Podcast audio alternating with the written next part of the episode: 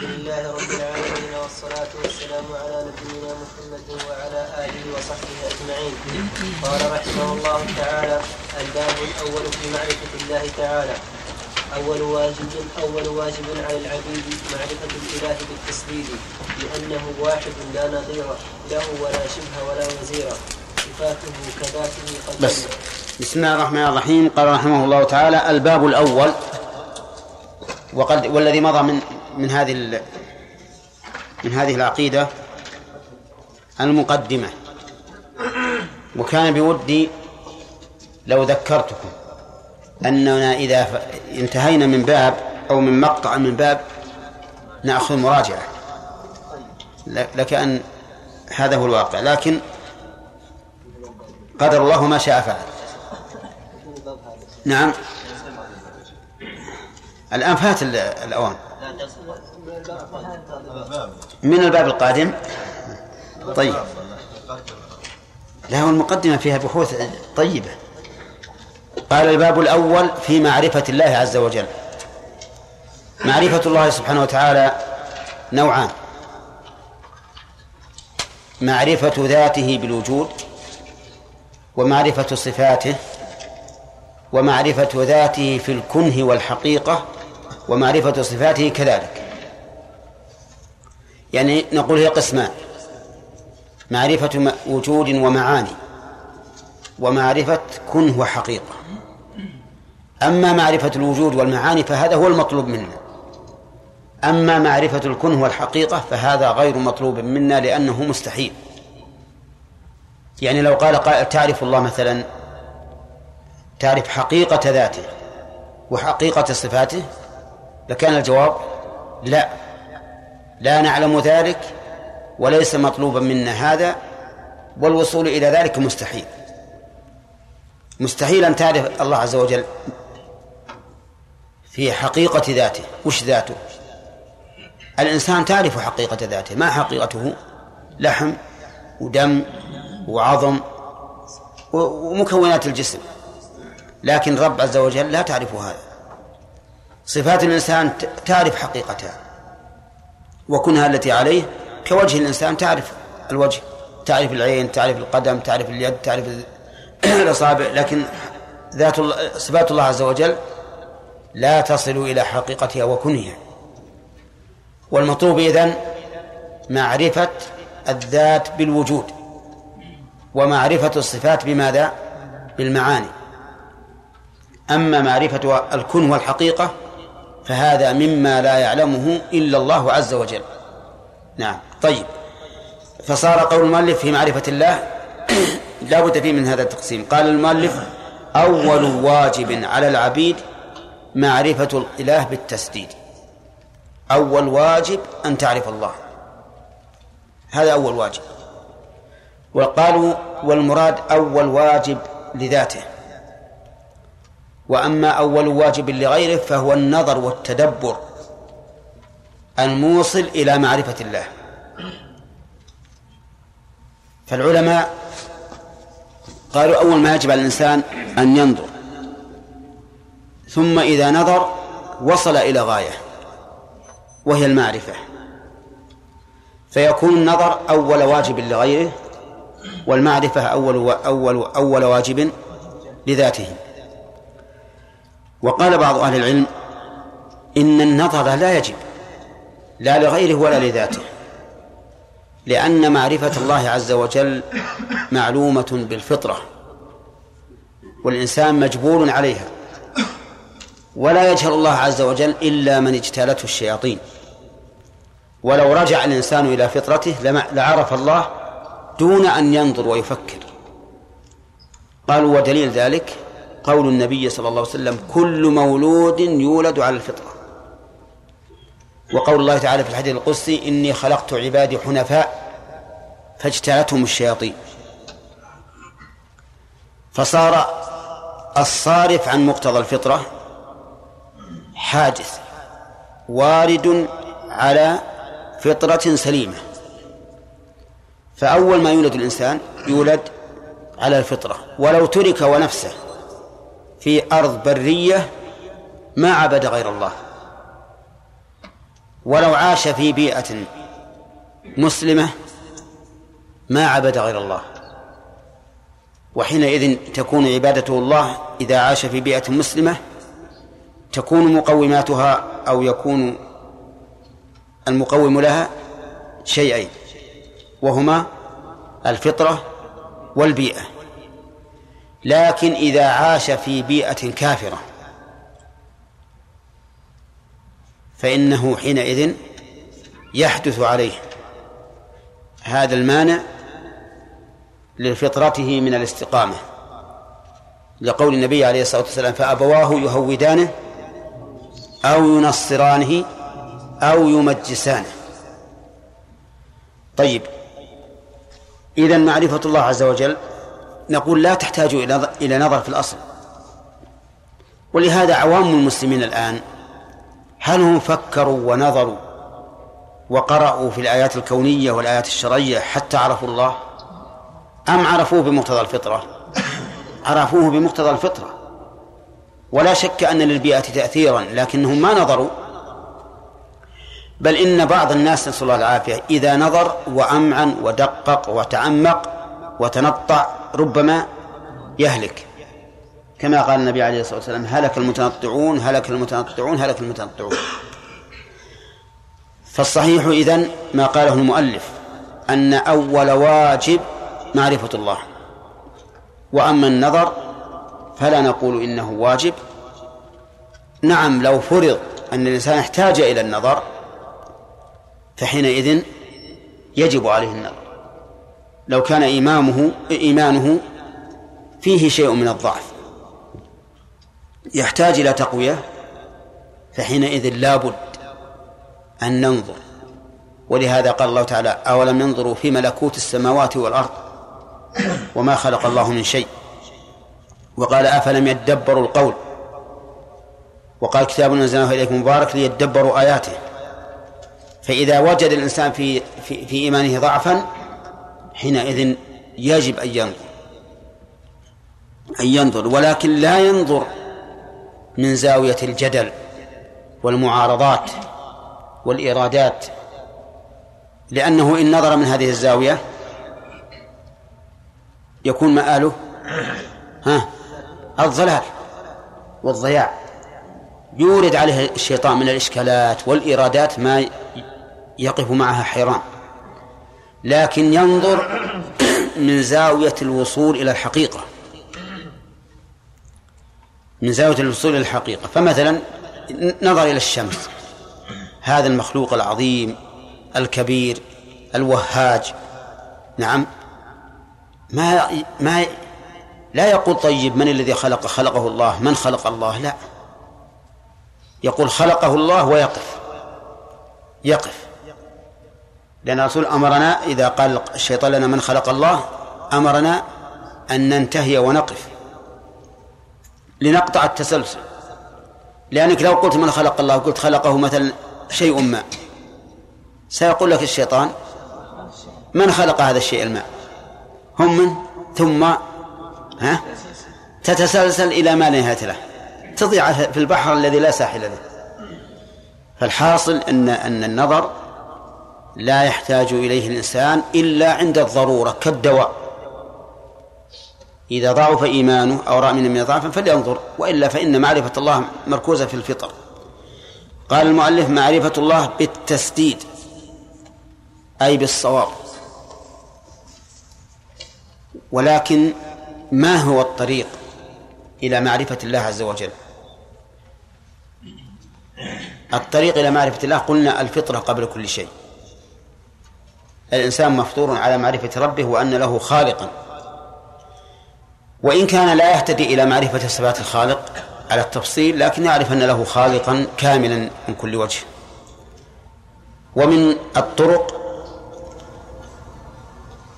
التي توصل إلى معرفة الله الأمور العقلية العقل. فإن العقل يهتدي إذا كان العقل صريحا سالما من الشبهات والشهوات يهتدي إلى معرفة الله بالنظر في آياته فينظر إلى ما في الناس من نعمة فيستدل به على ماذا؟ على وجود المنعم وعلى رحمة المنعم أليس كذلك؟ ينظر إلى ما في الناس من نعم فيستدل بها على وجود المنعم لأنه لولا وجود المنعم ما وجدت النعم. وعلى إيش؟ وعلى رحمته. لولا رحمته ما وجدت النعم. كذا ينظر إلى إمهال الله عز وجل للعاصين بحيث لا يعاجلهم بالعقوبة. فيستدل بها على إيش؟ على حلم الله. لأن الله يقول ولو يؤاخذ الله الناس بما كسبوا ما ترك على ظهرها من دابة وصدق الله لو لو لو أن الله واخذ الناس بما كسبوا ما ترك على ظهرها من دابة لأن أكثر الناس على الكفر. تسعمائة وتسعة وتسعون من بني آدم كلهم في النار. صليتها. صليت ركعتين أو مجب على وضوء زين. نقول لا يؤاخذ الله الناس بما كسبوا ما ترك على ظهر من دابة لأن تسعمائة وتسعة وتسعين من بني آدم كلهم في النار. فلو كان فلو أراد الله أن يأخذهم بأعمالهم ما ترك على ظهرهم من دابة. ننظر في السماوات والأرض. نستدل به على إيش؟ على عظمة الله وقدرته. لأن عظم المخلوق يدل على عظم الخالق. وهكذا نستدل بذلك على وجود الله وعلى ما تقتضيه هذه الآية من الصفات الأخرى. طيب نستدل أيضا نعرف الله تعالى بإجابة الدعاء. فإن الإنسان يدعو فيستجيب الله دعاءه. فنعرف بهذا وجود الله. إيش بعد؟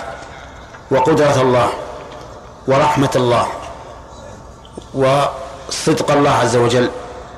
ادعوني أستجيب لكم. إلى غير ذلك مما يستلزم تستلزمه إجابة الدعاء.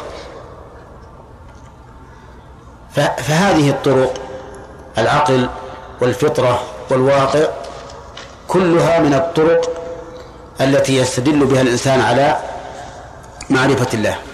أخذ الله سبحانه وتعالى للكافرين بالنكبات والهزائم تدل على أن الله شديد العقاب وأنه من المجرمين منتقم.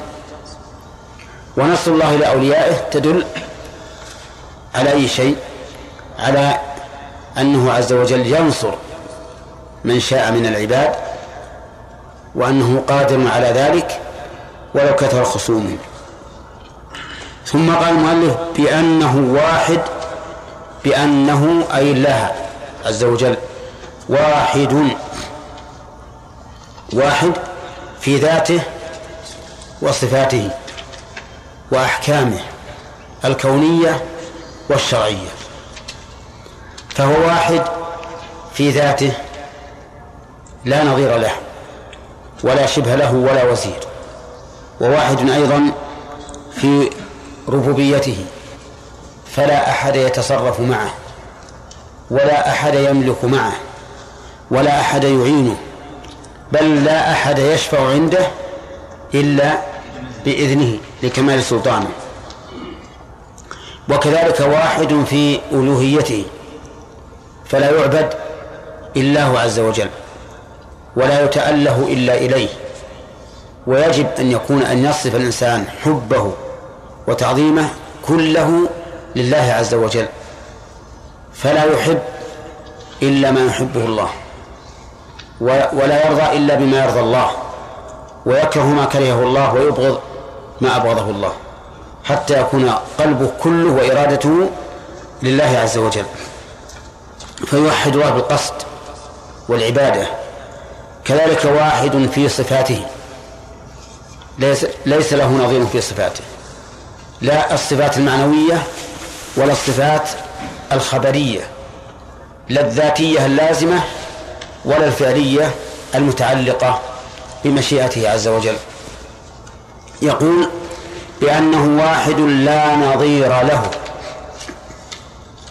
النظير يعني المماثل والمشابه وعليه فلا شبه من باب عطف المتماثلين. أو المترادفين. كقول الشاعر فألفى قولها كذبا ومينا. الكذب والمين معناهما واحد وإن اختلفا في اللفظ. والنظير والشبيه معناهما واحد وإن اختلفا في اللفظ. وهذا من باب التوكيد اللفظي. نعم. وقوله ولا شبه سبق لنا أن الأولى أن نعبر بقولنا لا مثل للوجوه الثلاثة السابقة. طيب لا نظير له في ذاته ولا شبيه له في ذاته وكذلك لا شبيه له في صفاته سبحانه وتعالى وفي أفعاله. ولا وزير الوزير المعين. ومنه قوله تعالى عن موسى واجعل لي وزيرا من أهلي. هارون. فالوزير هو المعين مأخوذ من المؤازرة وهي المعاونة. فالله سبحانه وتعالى ليس له أحد يعينه لأنه قادر على كل شيء. إنما أمره إذا أراد شيئا أن يقول له كن فيكون. وقد أشار الله تعالى إلى هذا المعنى في قوله قل ادعوا الذين زعمتم من دون الله. لا يملكون مثقال ذرة في السماوات ولا في الأرض وما لهم فيهما من شرك وما له منهم من ظهير. ولا تنفع الشفاعة عنده إلا لمن أذن له. انتبه. لا يكون مثقال ذرة في السماوات ولا في الأرض. على سبيل إيش؟ على سبيل الاستقلال. وما لهم فيهما من شرك على سبيل المشاركة. والفرق بين الاستقلال والمشاركة أظن واضحا. ها؟ فمثل هذا لي أنا مستقل به. وهذا بيني وبينك أنا شريك فيه. فهم لا يملكون شيئا على سبيل الاستقلال ولا على سبيل المشاركة مع الله عز وجل. وما له أي ما لله منهم من هؤلاء المدعوين من ظهير أي معين. فهم لا يعاون لا يعاون الله بشيء. ثم مع ذلك لا تستطيع هذه الآلهة أن تشفع. ولا تنفع الشفاعة عنده إلا لمن أذن له. وبنفي هذه الأمور الأربعة تنقطع الأسباب التي يتعلق بها من؟ المشركون. لأن غاية ما يتعلقون به أنهم يقولون إنما نعبدهم ليقربونا إلى الله زلفى فقطع الله كل سبب. طيب فإن قال قائل أليس هناك ملائكة موكلون بحفظ أعمال بني آدم؟ ملائكة موكلون بالقطر ملائكة موكلون بالنبات ملائكة موكلون بالحفظ العام لبني آدم وهكذا. فما الجواب؟ ها؟ نقول بلى هذا موجود. لكن هل وكلهم الله تعالى استعانة بهم؟ كلا والله. لكن وكلهم الله بذلك ليبين عظمته وكمال سلطانه. كما أن الملك في الدنيا ولله المثل الأعلى له من يتولى شؤون مملكته لكن الملوك في الدنيا يفعلون ذلك لقصورهم وعدم إحاطتهم. أما الله عز وجل فلا. إنما فعل ذلك سبحانه وتعالى ليظهر عظمة ملكه وسلطانه وأنه مدبر سبحانه وتعالى وأن له جنودا جنودا لا يستعين بهم ولكن جنود إيش؟ يمتثلون بأمره ويكلفهم عز وجل بما شاء.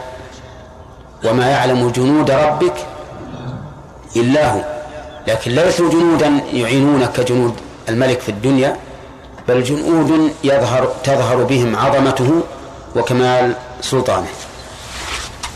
نعم.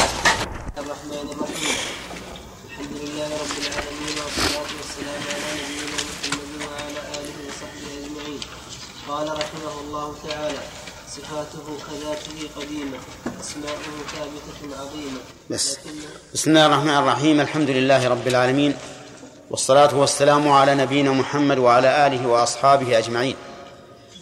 سبق لنا أن أول واجب على الخلق كما قال المؤلف إيش؟ معرفة الله عز وجل. وسبق لنا أن طريق معرفة الله عز وجل العقل والشرع والفطرة. وسبق لنا أن أن المراد بالمعرفة ما يترتب عليها من التصديق والقبول للأوامر والإذعان لها. وأما مجرد المعرفة بدون أن يركن الإنسان إليها ويقول بمقتضاها فإنها لا فائدة منها. حتى الكفار يعرفون الله. وقول المؤلف بالتسديد قل معناه بالصواب أي معرفة مطابقة للواقع. أما معرفة الله بدون بدون مطابقة للواقع فهذه لا تنفع. لا بد من معرفته بالتسديد. إيش اللي معك؟ ها؟ طيب. آه ثم قال المؤلف بأنه واحد في ألوهيته وربوبيته وأسمائه وصفاته كما سبق. ليس له نظير ولا شبيه ولا وزير. وسبق الكلام على هذه الثلاثة وبيان الأدلة لها. فما هو الدليل على أنه ليس له نظير ولا شبيه؟ قوله تعالى ليس كمثله شيء وهو السميع البصير. وأنه لا وزير قوله تعالى وما له منهم من ظهير. قل ادعوا الذين زعمتم من دون الله لا يملكون مثقال ذرة في السماوات ولا في الأرض وما لهم فيهما من شرك وما له منهم من ظهير يعني ما له أحد يساعد من أهل السماوات والأرض. والوزير مساعد ولهذا قال موسى عليه الصلاة والسلام لربه سبحانه وتعالى واجعل لي وزيرا من أهلي. هارون أخي أشدد به أزري يعني قوني به وأشركه في أمري. قال المؤلف صفاته كذاته قديمة.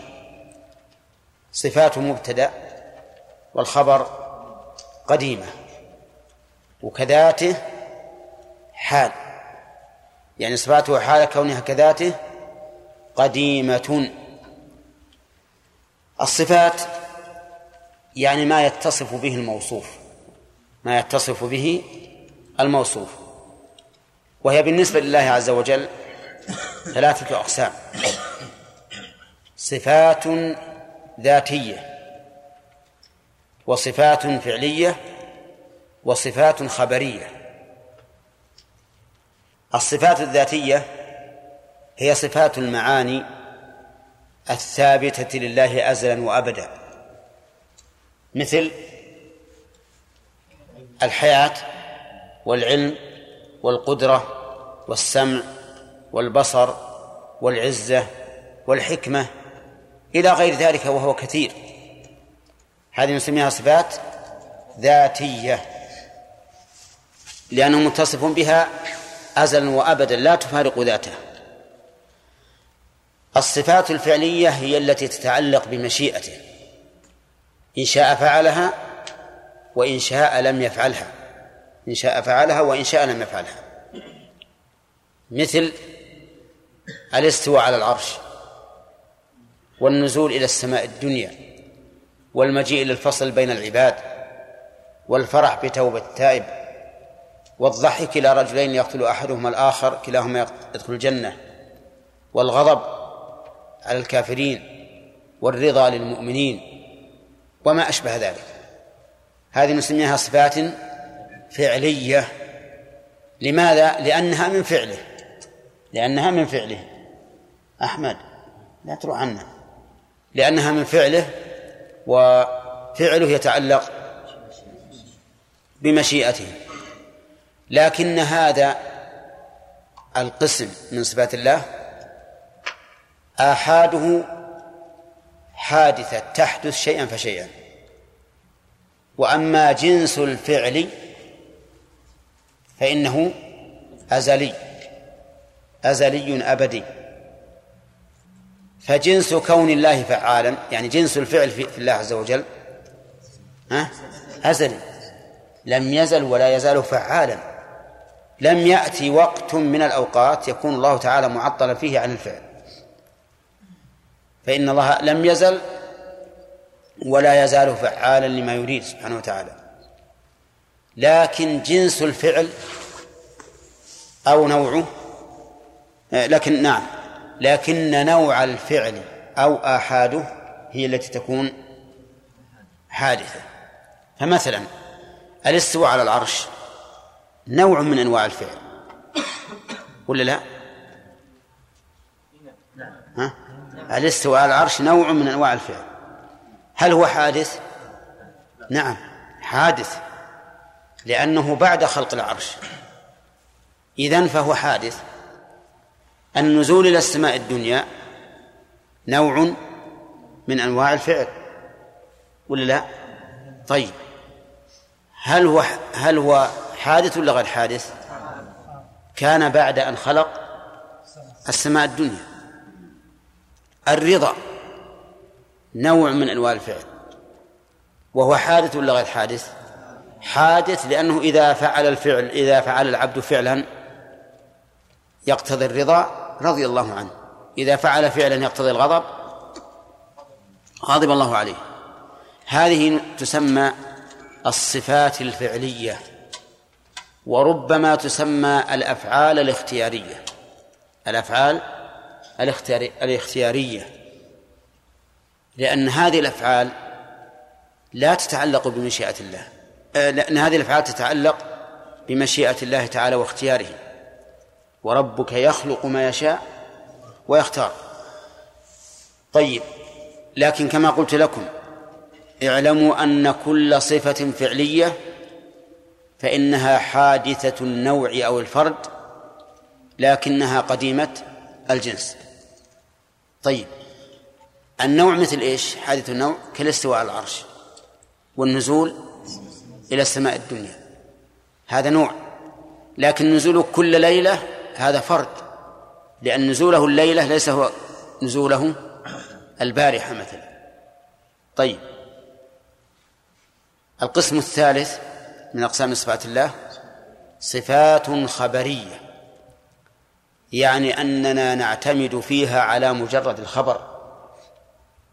ليست من المعاني المعقولة بل هي من الأمور المدركة بالسمع المجرد فقط.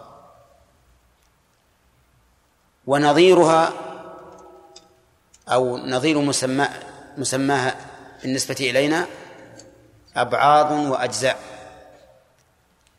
نظير مسماها بالنسبة إلينا أبعاض وأجزاء. مثل اليد والوجه والعين والقدم والإصبع. هذه نسميها الصفات الخبرية لأنها ليست معنى من المعاني فاليد غير القوة. القوة معنى واليد صفة من نوع آخر. صفة مسماها بالنسبة إلينا ها؟ أبعاض وأجزاء. فاليد بعض منا أو جزء منا والوجه كذلك والعين لكن بالنسبة لله لا نقول إنها جزء أو بعض لأن البعضية والجزئية لم ترد في أسماء لم ترد بالنسبة إلى الله لا نفيا ولا إثباتا. ولهذا نقول لمن قال إن الله واحد لا يتجزأ ولا ينقسم وما أشبه ذلك نقول هذه ألفاظ بدعية. هذه ألفاظ بدعية. من قال لك تصف الله بهذا النفي؟ هل أنت أعلم بالله من الله؟ هل أنت أعلم بالله من رسول الله؟ هل أنت أعلم بالله من أصحاب رسول الله؟ ما قال واحد منهم قط إنه لا يتبعض ولا يتجزأ. فاحبس لسانك عما حبسوا ألسنتهم عنه أما أن تتكلم بأشياء فارغة. لا تتكلم بها. لأنك إذا قلت لا يتجزأ إيش هذا؟ هل أحد يتصور أن الله سبحانه وتعالى وله الحمد والفضل يتجزأ؟ ما حد يتصور هذا حتى تنفيه اترك. إنما ينفى مثل هذا الكلام. لو أن أحدا قاله أما ولم يقله أحد فقل لله يد وله وجه وله عين ودع عنك لا يتجزأ ولا يتبع أحد أحد تعبدك بهذا؟ نعم. أسألكم ما حد تعبد ما قال الله قولوا في الله إنه لا يتبعض ولا يتجزأ ولا قال قولوا في الله إنه يتبعض ويتجزأ بل قال قولوا آمنا بالله. وقال الله لا إله إلا هو الحي القيوم. وقال الله أحد الله الصمد. فالحاصل أن الصفات الخبرية ما هي؟ هي التي مسماها أبعاض وأجزاء لنا. فهمتم؟ لكن بالنسبة لله ما نقول أنه بعض أو جزء. لأن إثبات البعضية أو الجزئية أو نفي البعضية أو الجزئية بالنسبة لله من الألفاظ المبتدعة. الألفاظ المبتدعة التي يجب على الإنسان أن يتحاشاها. فأنت لم يتعبدك الله لا في كتابه ولا على لسان رسوله أن تثبت البعضية أو تنفي البعضية. ونحن نؤمن بأن اليد غير غير الذات. يد الله غير ذاته وجه الله غير ذاته شيء آخر زائد على الذات. ولا ننكر أن يعبر الله عن نفسه بوجهه. لا ننكر كما قال تعالى ويبقى وجه ربك ذو الجلال والإكرام فلا ننكر الوجه ولا ننكر أن يعبر به عن عن النفس المهم الآن أن نقول الصفات تنقسم إلى ثلاثة أقسام ذاتية فعلية وخبرية. فالذاتية هي لم يزل ولا يزال متصفا بها وسميت ذاتية لملازمتها للذات. والفعلية هي التي تتعلق بمشيئته وسمت فعلية لأنها فعل يفعله الله. لكن هذه الفعلية قلنا إن جنسها ذاتي أزلي لأن الله لم يزل ولا يزال فعالا إذ لم يأتي عليه وقت ولن يأتي عليه وقت أن يكون معطنا على الفعل. لكن نوعها وأحدها هو الذي يكون حادثا. عرفتم ولا لا؟ طيب. القسم الثالث صفات خبرية وهي التي مسماها ها أبعاض لنا وأجزاء مثل اليد والوجه والعين. ولكن كما قلت لكم بالنسبة لله لا يجوز أن نقول هي أبعض له ولا أن نقول إن الله لا يتبع لأن كل هذا لم لم يرد. وما لم يرد فالأدب مع الله ورسوله أن نمسك عنه. يا أيها الذين آمنوا لا تقدموا بين يدي الله ورسوله واتقوا الله إن الله سميع عليم. فلو نفيت ما لم ينفه الله عن نفسه فقد تقدمت بين يديه بين يدي الله ورسوله. ولو أثبتت ما لم يثبت فقد تقدمت بين يدي الله ورسوله. وسيأتي إن شاء الله فقيه بسم الله والصلاة بسم الله الرحمن الرحيم الحمد لله رب العالمين والصلاة والسلام على نبينا محمد وعلى آله وصحبه أجمعين قال رحمه الله تعالى صفاته كذاته القديمة أسماؤه ثابتة عظيمة لكنها في الحق لكنها في الحق توقيفية لنا بلا أدلة وفية له الحياة والكلام والبصر سمع الإرادة وعلم الوقت بسم الله الرحمن الرحيم الحمد لله رب العالمين والصلاة والسلام على نبينا محمد وعلى آله وأصحابه أجمعين سبق لنا أن قول المؤلف صفاته قديمة مجمل يحتاج إلى تفصيل. فما هو التفصيل عنده؟ أن صفات الله سبحانه وتعالى تنقسم إلى ثلاثة أقسام. نعم. صفات ذاتية. نعم. وصفات فعلية. نعم. وصفات خبرية. نعم. والصفات الذاتية. فالصفات الذاتية والخبرية كلاهما كلاهما قديم. قديم. نعم. طيب. أما الصفات الخ- الخبرية لا. الفعلية. الفعلية. بالنسبة إلى معناها جنسها؟ نعم. قدي- قديم. قديمة. أما بالنسبة إلى أفرادها وأحادها فهي حادثة. أفرادها وأنواعها. وأنواعها فهي حادثة. فهي حادثة وليست قديمة. صح؟ طيب ما هي الصفات الذاتية؟ صبير لكن هنا قسمناها ثلاثة أقسام.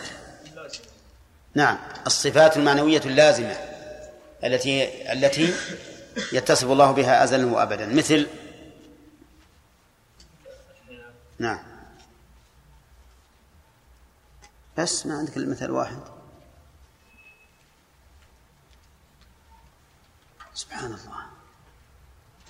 يعني ما تتصور شيئا من صفات الله لازم دائما وابدا إلا الحياة؟ أي نعم. قدرة والعلم والسمع والبصر والعزة والحكمة كل هذه صفات لازمة ازلا وابدا. طيب الصفات الفعلية. مثل الصفات الفعلية مثل الكلام. لا لا مثل مثل الكلام وغيره. مثل الكلام وغيره. هات غير مثل الكلام والسمع. السمع لا. لا. السمع لم يزل ولا يزال سميعا. باعتبار المسموعات لا باعتبار دعنا من المسموعات نعم اسم السمع ال- الكلام آه. ومجيء الله سبحانه وتعالى. آه. والاستواء. آه. كثيرة طيب يا أخي هات. والاستواء والنزول. إيه. إلى السماء الدنيا النزول قيد. إلى السماء الدنيا. السماء الدنيا. طيب. ها والرضا والرضا. والغضب والعجب والفرح والضحك كذا؟ طيب. المهم أمثلتها كثيرة. هذه نقول أصلها جنسها يعني. قديم. قديم لأن الله لم يزل ولا يزال فعالا لكن آحادها أو أنواعها حادثة. فالأنواع الحادثة مثل الاستواء والنزول. لأنها لأنهما لم يكونا إلا بعد خلق العرش في الاستواء وخلق السماء في النزول. كذا؟ طيب. القسم الثالث فهد. الصفات الخبرية. نعم. وهي التي مستندها الخبر لأنه لا مجال للعقل فيها. ها.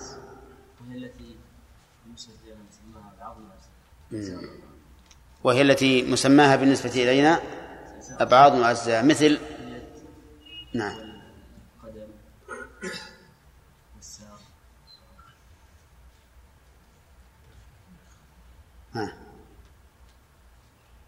والعين طيب والأصابع طيب عدد الوجه زي هذه نقول صفات خبرية لكنها في نفس في نفس الوقت هل هي من هل هي صفات قديمة ولا حادثة؟ صفات صفات قديمة لأن الله لم يزل ولا يزال متصفا بها. طيب قول المؤلف كذاته أي الذات هي قديمة أو غير قديمة؟ قديم ما فيها تقسيم؟ ما فيها. ذات الله تعالى قديمة. والقديم عندهم هو الذي لا ابتداء له. هذا القديم. القديم عند المتكلمين ليس هو القديم في اللغة العربية. القديم في اللغة العربية ما سبق غيره ولو كان حادثا والق- والقديم عند المتكلمين هو الذي لم يسبق بعدم لم يسبق بعدم يعني دائما وابدا موجود يسمونه قديما. فالذي لا أول له أي لم يسبق بعدم هو قديم عند المتكلمين. لكن اللغة العربية تقول إن القديم ما ما تقدم غيره ولو كان حادثا. ومنه قوله تعالى حتى عاد كالعرجون القديم طيب الصفات تنقسم إلى هذه الأقسام الثلاثة. ولها عدة أقسام. هذا تقسيم. التقسيم الثاني صفات الله سبحانه وتعالى كلها كمال. كلها كمال. سواء كانت مطلقة أو مقيدة. فما كان كمالا محضا فهو مطلق. وما وما كان كلام كمالا في حال دون حال فهو مقيد. لكن كلها كمال. كل صفات الله صفات كمال. لكن ما كان كمالا مطلقا كان كمالا في كل حال غير مقيد.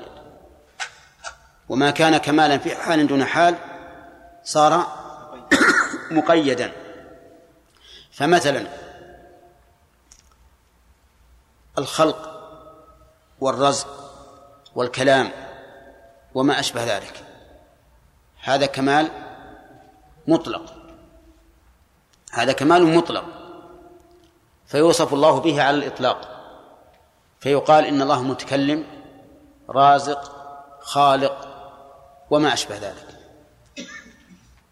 وما كان كمالا في حال دون حال فإنه لا يجوز إطلاقه على الله وإنما يوصف به مقيدا.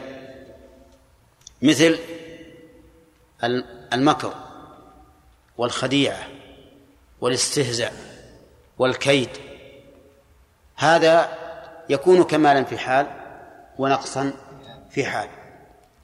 فلا يوصف الله به إلا على وجه الكمال.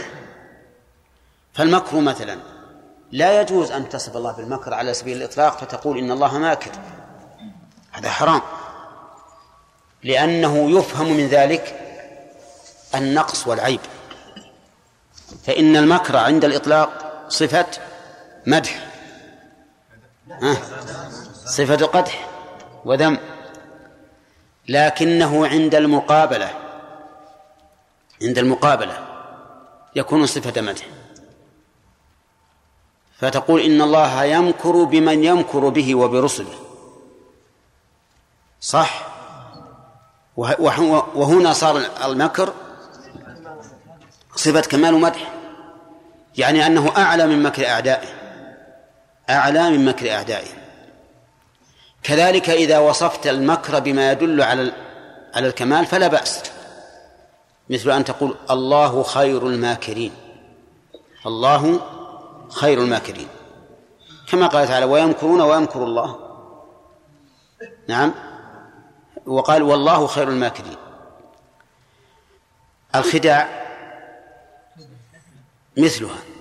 لا يجوز أن أن تصف الله بأنه خادع أو من صفات الخداع على سبيل الإطلاق. لكن يجوز أن أن تصفه به على سبيل إيش؟ المقابلة. فتقول إن الله تعالى يخدع المنافقين أو خادع المنافقين أو خادع من يخدعه أو ما أشبه ذلك. لأنها في هذه الحال تكون صفة كمال. واضح؟ ولا يجوز أن تصفه بها على سبيل الإطلاق لأنها تحتمل معنى صحيحا ومعنى فاسدا. القسم الثالث من الصفات ما كان نقصا. ما كان نقصا. وهذا. ما يدخل في تقسيم صفات الله لكن من أجل الحصر. ما كان نقصا فإنه لا يدخل في صفات الله أبدا لا مطلقا ولا مقيدا. عرفتم؟ صفات النقص لا تدخل في صفات الله لا على سبيل الإطلاق ولا على سبيل التقييد. مثل إيش؟ الخيانة. الخيانة. الخيانة لا تدخل في صفات الله لأنها ذم وقدح بكل حال. ولهذا قال النبي عليه الصلاة والسلام لا تخن من خانك وقال الحرب خدعة. فأذن في الخدعة في في محلها وهو الحرب ونهى عن الخيانة في محلها. فقال لا تخن من خانك مع أن الإنسان قد يقول أخون من خانني لأن الله قال فمن اعتدى عليكم فاعتدوا عليه بمثل ما اعتدى عليكم لكن الرسول قال لا تخن من خانك. فإذا اؤتمنك إنسان بشيء وقد خانك من قبل فلا تخنه فيه. ليش؟ لأن الخيانة وصف ذم على الإطلاق. وبهذا نعرف خطأ قول العامة. خان الله من يخون. خان الله من يخون. صح هذا؟ ها؟ هذا لا يجوز قول باطل. لكن لو قال خدع الله بمن يخدع صح. هذا صحيح. طيب. إذا ممكن أن نقول الصفات بالنسبة لله عز وجل على ثلاثة أقسام. صفات كمال محض فهذه يوصف بها على سبيل الإطلاق. وصفات كمال في حال دون حال فلا يوصف بها إلا ها؟ إلا مقيدا في الحال التي تكون فيها كمالا وصفات نقص على الإطلاق فلا يوصف بها مطلقا. لا يوصف بها مطلقا. طيب فإذا قال قائل هل هناك فرق بين الأسماء والصفات في هذا الباب بمعنى أن الاسم إذا كان متضمنا لنقص فإنه يسمى به الله في حال الكمال؟ الجواب لا. لأن الله تعالى قال في الأسماء ولله الأسماء الحسنى أي البالغة في الحسن كماله.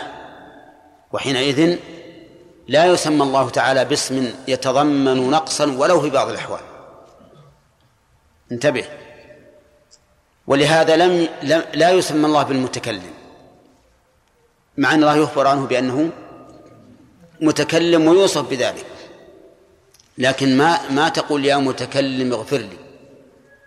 طيب يوصف الله بالإرادة؟ ها؟ يوصف. لكن هل يسمى بالمريد؟ لا. فانتبهوا للفرق. الأسماء الحسنى من القسم الأول فقط. ما هي؟ أنها الكمال المطلق ما فيها كمال ما تتضمن كمالا ونقصا في حال دون حال بل هي كمال مطلق والدليل على ذلك وصف الله تعالى إياها بأنها حسنى. لكن الصفات كما عرفتم كمال مطلق ونقص مطلق ونقص في حال دون حال أو كمال في حال دون حال فأما الكمال المطلق فيوصف الله به على سبيل الإطلاق والنقص المطلق لا يوصف به مطلقا والكمال في حال دون حال يوصف به حال كونه كمالا ولا يوصف به حال كونه نقصا. طيب. قال المؤلف صفاته كذاته قديمة أسماؤه ثابتة. أسماؤه ثابتة عظيمة. أسماء الله سبحانه وتعالى ثابتة عظيمة. ثابتة بمعنى أنها حق. يجب الإيمان بها وإثباتها عظيمة لاشتمالها على أحسن الصفات وأكملها. وأسماء الله سبحانه وتعالى البحث فيها من وجهين أو أكثر. الوجه الأول أسماء الله سبحانه وتعالى كلها حسنى. فليس فيها نقص بوجه من الوجوه ولا بحال من الأحوال.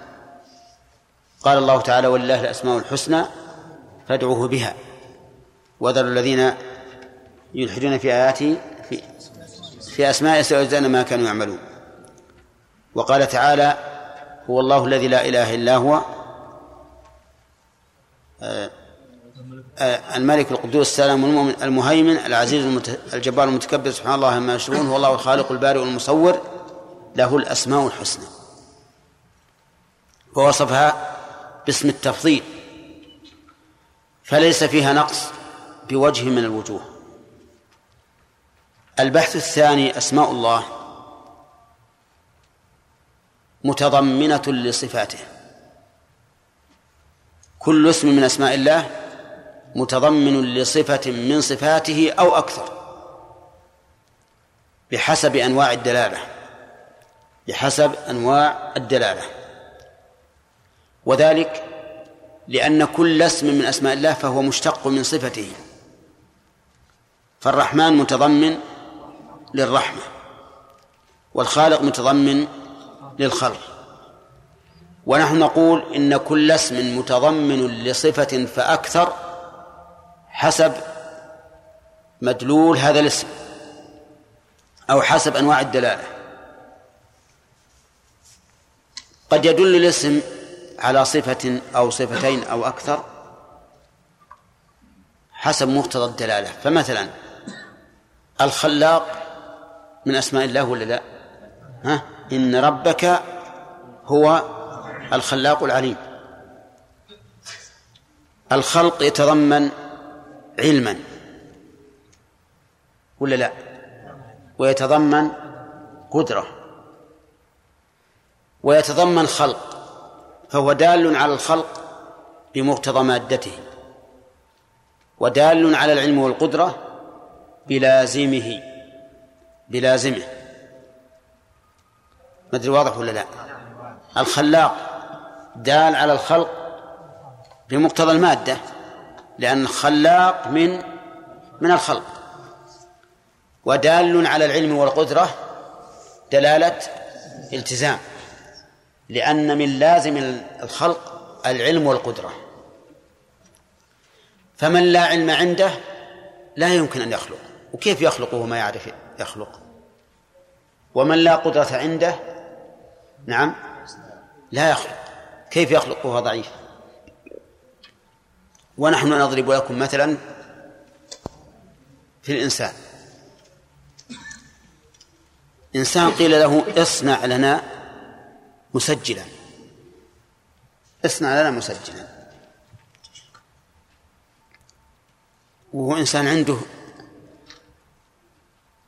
المواد الخام وعنده قدرة ونشاط وذكاء لكن ما عنده علم. ما يدري ما يدري كيف يركب المسجل. هذا يمكن أن نصنع المسجل ولا لا؟ ها؟ ما يمكن. إذا عقدنا هالأسلاك وهالبرغيات والأشياء هذه ما هو بعارف. يقول هذا ما يقدر يصنع المسجل. ليش؟ لعدم لعدم العلم. طيب عليكم السلام. إنسان عنده علم. هلا السلام. الله يعينك منارة عشان إحنا البلدي لم صور أنت من البلدية؟ إيه زين. اسمك؟ طيب. قلنا هذا الرجل ما ما يستطيع يصنع. ليش؟ لعدم علم. إنسان مهندس تماما ودارس ويقرأ ويعرف لكنه مشلول. مشلول ما يعرف. ما يقدر يصلح شيء. يقدر يصنع المسجل ليش؟ لعدم لعدم القدرة. إذن فكون فاسم الله الخلاق تضمن الآن كم من صفة؟ ثلاث صفات الخلق والعلم والقدرة. ولهذا قال الله عز وجل الله الذي خلق سبع سماوات ومن الأرض مثلهن يتنزل الأمر بينهن لتعلموا أن الله على كل شيء قدير وأن الله قد أحاط بكل شيء علما. قال لتعلموا أن الله على كل شيء قدير. يعني أخبرناكم بذلك لتعلموا أن الله على كل شيء قدير وأن الله قد أحاط بكل شيء علما ولولا علمه وقدرته ما خلق السماوات والأرض. نعم.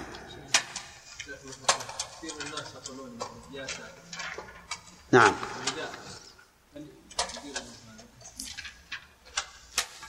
هو لو أخبروا خبرا لقلنا صحيح. لكن إذا قالوا يا ساتر دعاء فالله عز وجل يقول ادعوه بها.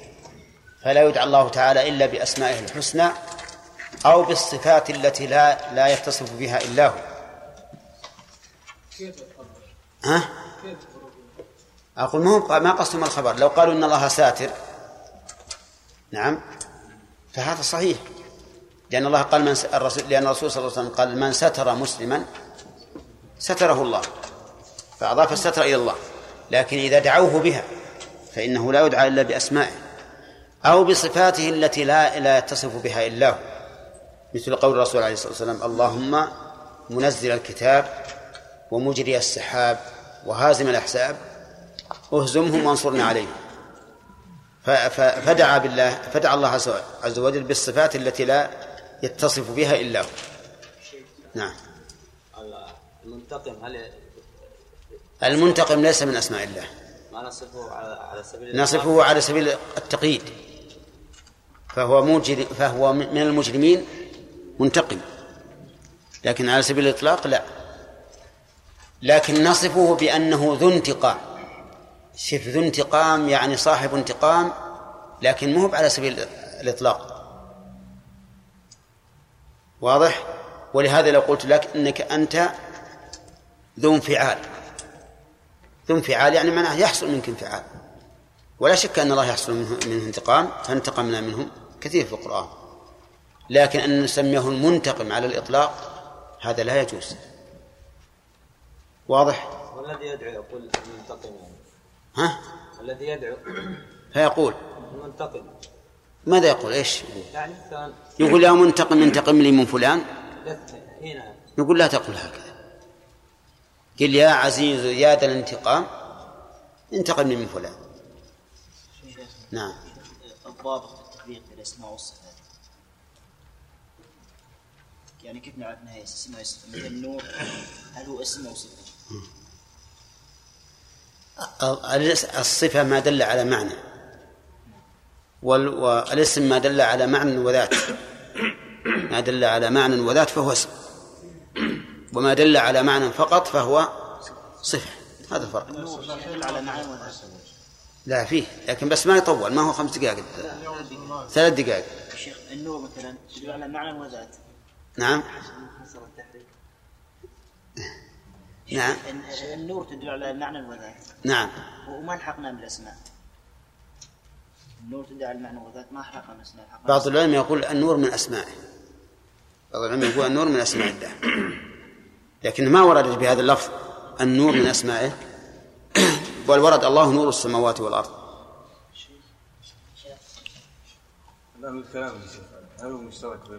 لكن فيه فيها المطوفين يقولون يا نور النور.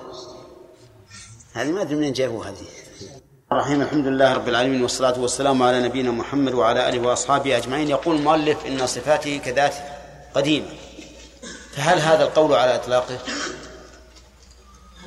أي نعم. هل هذا القول على إطلاقه؟ أن صفاته قديمة؟ نعم قديم طيب. صفات الله سبحانه وتعالى ثلاث أقسام. أصبر. نعم السؤال. هل هو على إطلاقه أم لا؟ ليس على الله ليس على إطلاقه. تمام.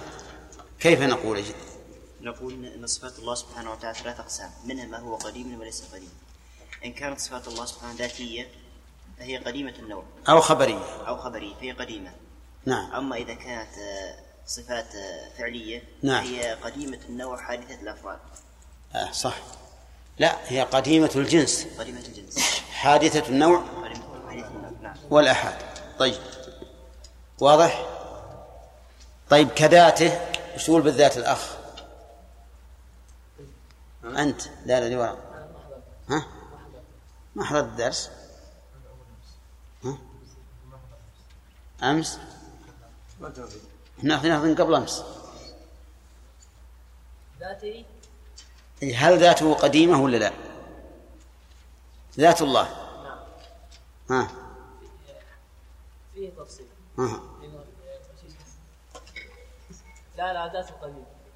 ها؟ ذاته قديم. ذات الله قديمة؟ ما في تفصيل. أبدا. ها؟ اجزم. أنت بالأول تقول لا ثم ب- بدأت بالإشارة. بعدين تبي تقول آه، في تفصيل. تنازل. ها. ما في. إيش تقولون هذا؟ صحيح. لأن الله عز وجل لم يزل موجودا. طيب أنا نسيت أتكلم لكم عن الذات لكن إن شاء الله ربما نتكلم عليها. كلمة ذات. هل هي فصيحة ولا لا؟ نتكلم عليها بعدين. طيب.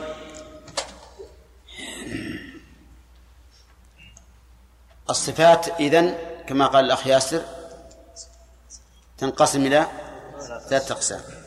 فإطلاق قديمة هذا ليس بصحيح. طيب أسماؤه ثابتة عظيمة. أسماء الله تعالى ثابتة. يا عيسى معناها؟ إيش معنى ثابتة؟ لا. أي حق. حق واقع. طيب عظيمة لأنها بلغت في الحسن كماله. تكلمنا عن الأسماء أمس. والظاهر أن الساعة تقول وقف. اليوم مناقشة. الحمد لله. إذن حكمت بالحق هذه. ها؟ أي مسألة الذات. أصل الذات كلمة مولدة بالمعنى المراد بها. كلمة مولدة بالمعنى المراد بها.